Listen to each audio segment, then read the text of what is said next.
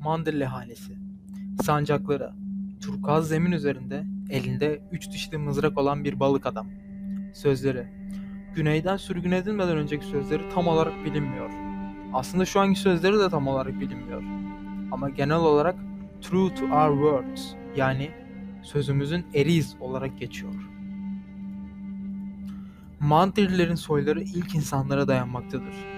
Mandrilli hanesi hakkında bilinen en eski şeylerden birisi 900 yıl önce Gardner ailesinden menzilin gücünü ele almaya çalıştıkları için Mandir Nehri'nin yanındaki evlerinden kışın ortasında sürgün edildikleridir.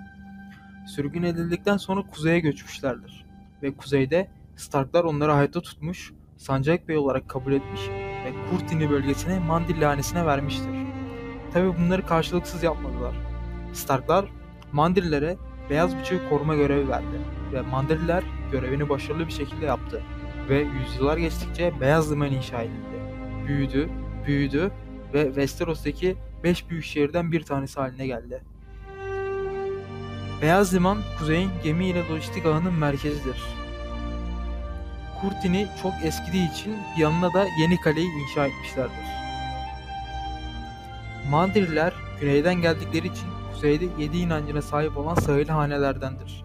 Ve ne kadar yüzyıllar içerisinde kuzeyli olsalar da güneyden gelen kültürlerin etkisi hala görülmektedir. Beyaz Liman kuzeyde en çok güneye benzeyen yerdir. Mandilli hanesi hakkında fazla bilgimiz olmasa da kış rüzgarlarını bekleyen herkesin tahmin edeceği üzere Bolton hanesine olan sadakatleri şüphelidir. Ve kuzeyde tekrar bir Stark yönetimi için çalıştıkları su götürmez bir gerçektir.